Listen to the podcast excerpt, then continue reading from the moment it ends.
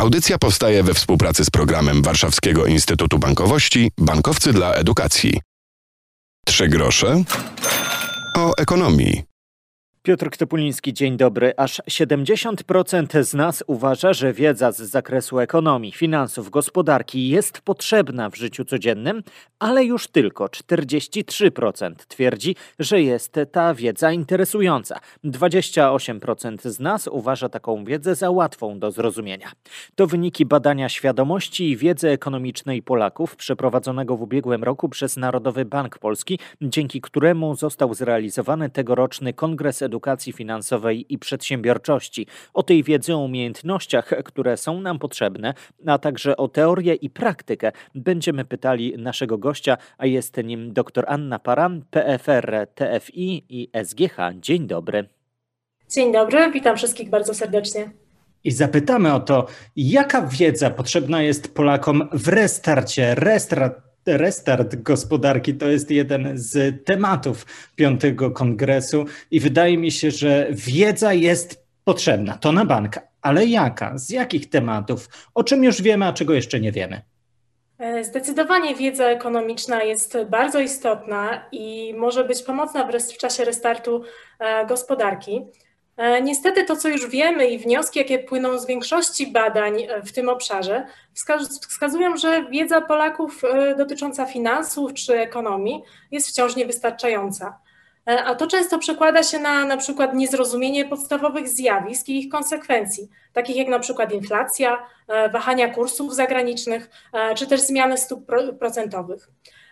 Jeśli chodzi o wiedzę ekonomiczną Polaków, to zdecydowanie pożądane są kompetencje z zakresu skutecznego zarządzania finansami osobistymi. E, mam tu na myśli takie umiejętności jak e, prowadzenie budżetu, czyli planowanie naszych wydatków i oszczędności, aż po wiedzę na temat skutecznego inwestowania, czyli pomnażania tych środków finansowych, które już mamy. Czas pandemii pokazał, że wiedza z, zakresie, z zakresu zarządzania finansami, czy też wiedza ekonomiczna są podstawowymi umiejętnościami, takimi jak czytanie czy pisanie. E, ja chciałabym podkreślić, że chodzi już nie tylko o samą wiedzę teoretyczną, ale także o praktyczne kompetencje, na przykład te związane z korzystaniem z bankowości online e, czy innych usług finansowych, e, bo coraz częściej są one świadczone drogą elektroniczną. I tutaj pojawiają się kolejne potrzeby, takie jak rozwój umiejętności cyfrowych oraz wiedza z zakresu cyberbezpieczeństwa to jest tego sporo, czego Jaś się nie nauczył, tego Jan nie będzie umiał, ale mamy jednak tego Jana w rzeczywistości y, pandemicznej, który chciałby dowiedzieć się więcej o swoich finansach. Kto powinien uczyć i w jaki sposób?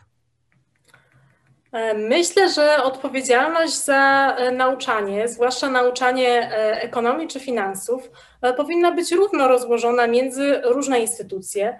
Mam tu na myśli zarówno instytucje finansowe, takie jak chociażby Narodowy Bank Polski, Ministerstwo Finansów, Towarzystwa Funduszy Inwestycyjnych, e, banki, które każdego dnia mogą edukować Polaków w zakresie na przykład produktów finansowych, e, produktów inwestycyjnych.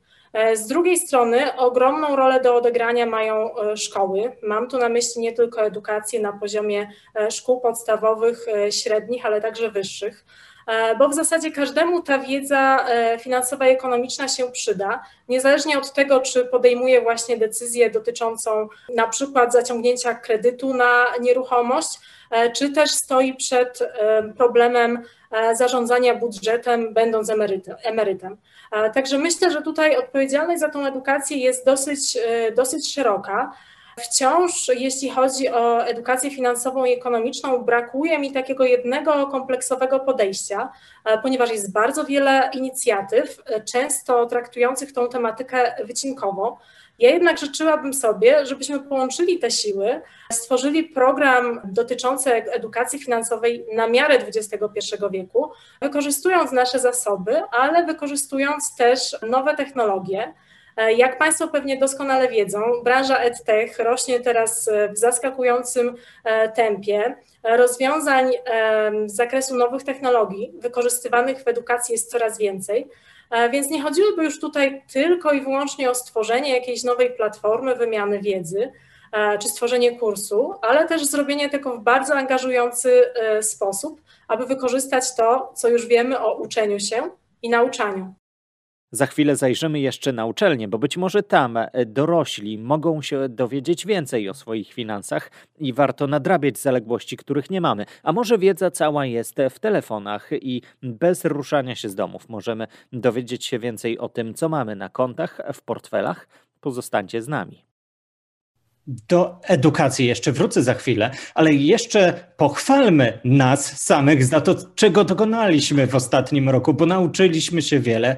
Starsi i młodsi korzystają z bankowości elektronicznej. Starszych już nie trzeba tak bardzo przekonywać do tego, że płatność bezkontaktowa, zbliżeniowo telefonem jest wygodna i bezpieczna. Udało się zrobić ten nam kolejny krok, choć przyznajmy, zostaliśmy do niego nieco przymuszeni. E, tak, zgadza się. No, na pewno ubiegły rok e, przyniósł nam sporo nowych doświadczeń, e, bo pandemia była i ciągle jest źródłem wielu zmian. I mam tu na myśli nie tylko zmiany w naszym codziennym życiu, ale także w funkcjonowaniu przedsiębiorstw i organizacji. Jako konsumenci na pewno mieliśmy okazję do tego, żeby lepiej kontrolować swoje wydatki, przyjrzeć się, na co, na co wydajemy, w jaki sposób dysponujemy posiadanymi zasobami. Na pewno część z nas zmieniła swoje nawyki i przyzwyczajenia. Zaczęliśmy korzystać ze usług. Częściej też wybieraliśmy na przykład sklepy internetowe. Turbulencje gospodarcze na pewno zwiększyły naszą świadomość a w niektórych przypadkach e, pewnie i zachowania w zakresie świadomości e, co do roli oszczędzania, e, konieczności budowania finansowej poduszki bezpieczeństwa, czy też planowania długookresowego. Mam tu na myśli taki długi horyzont zarządzania naszymi finansami. Z drugiej strony, jeśli popatrzymy na świat przedsiębiorstw, na organizacje, firmy stanęły przed szeregiem wyzwań, których źródłem zawsze była nagła zmiana otoczenia organizacji. Doszło często do rekonfiguracji e, modeli biznesowych, digitalizacji produktów i usług, a także do przyspieszenia takiej szeroko pojętej e, cyfryzacji. Także przedsiębiorcy na pewno przetestowali swoją kreatywność i elastyczność. Na masową skalę wprowadzano też pracę zdalną i okazało się, że ta forma pracy jest także efektywna, pracownicy produktywni, a okazuje się często, że można w ten sposób zoptymalizować e, koszty działania e, przedsiębiorstwa. E, ja myślę, że jako społeczeństwo na pewno w tym ostatnim czasie dostrzegliśmy też ogromną rolę nowych technologii, bo to często nowe technologie były rozwiązaniem naszych codziennych problemów i bolączek. Ja myślę, że czwarta rewolucja cyfrowa, która trwa na naszych oczach, wciąż będzie przynosiła nam nowe rozwiązania. Podobnie jak kiedyś maszyna parowa czy silnik elektryczny, tak samo dziś myślę, że nowe technologie zrewolucjonizują wiele sfer e, życia człowieka. E, I my na co dzień już wykorzystujemy masę nowych technologii, ale jestem pewna, że przed nami e, wciąż bardzo dużo odkryć dotyczących kolejnych zastosowań tych technologii. W przypadku ekonomii czy finansów na pewno dostrzegliśmy e, rolę takich e, technologii jak blockchain, sztuczna inteligencja czy big data. I wydaje mi się, że to jest też pole do popisu, choćby dla studentów, dla młodzieży, dla osób, które nie dość, że mają z tym kontakt często na co dzień, to w dodatku uczą się na te tematy i być może za chwilę będą wcielali teorię w praktykę. E, tak, na pewno. Ja uważam, że nigdy nie jest za późno, ani tym bardziej zbyt wcześnie na naukę. E, jestem wielką zwolenniczką idei uczenia się przez całe życie. E, a to tempo zmian, z którymi mierzymy się teraz każdego dnia, udowadnia, że w trakcie naszego życia wielokrotnie będziemy nabywać nowe kompetencje i często przygotowywać się do wykonywania zawodów, które dziś jeszcze nie istnieją. E, gdybyśmy się zastanowili na przykład, jakich kompetencji i wiedzy będzie potrzebował trener robotów, e, to okaże się, że jest tu jeszcze wiele niewiadomych i nowe technologie e, poszerzą nam tutaj bardzo sfery dla pozyskiwania nowych kompetencji uzupełniania wiedzy. Sky is the limit, mówi dr Anna Para, PFR Towarzystwo Funduszy Inwestycyjnych. Dziękuję za tę rozmowę. Bardzo dziękuję.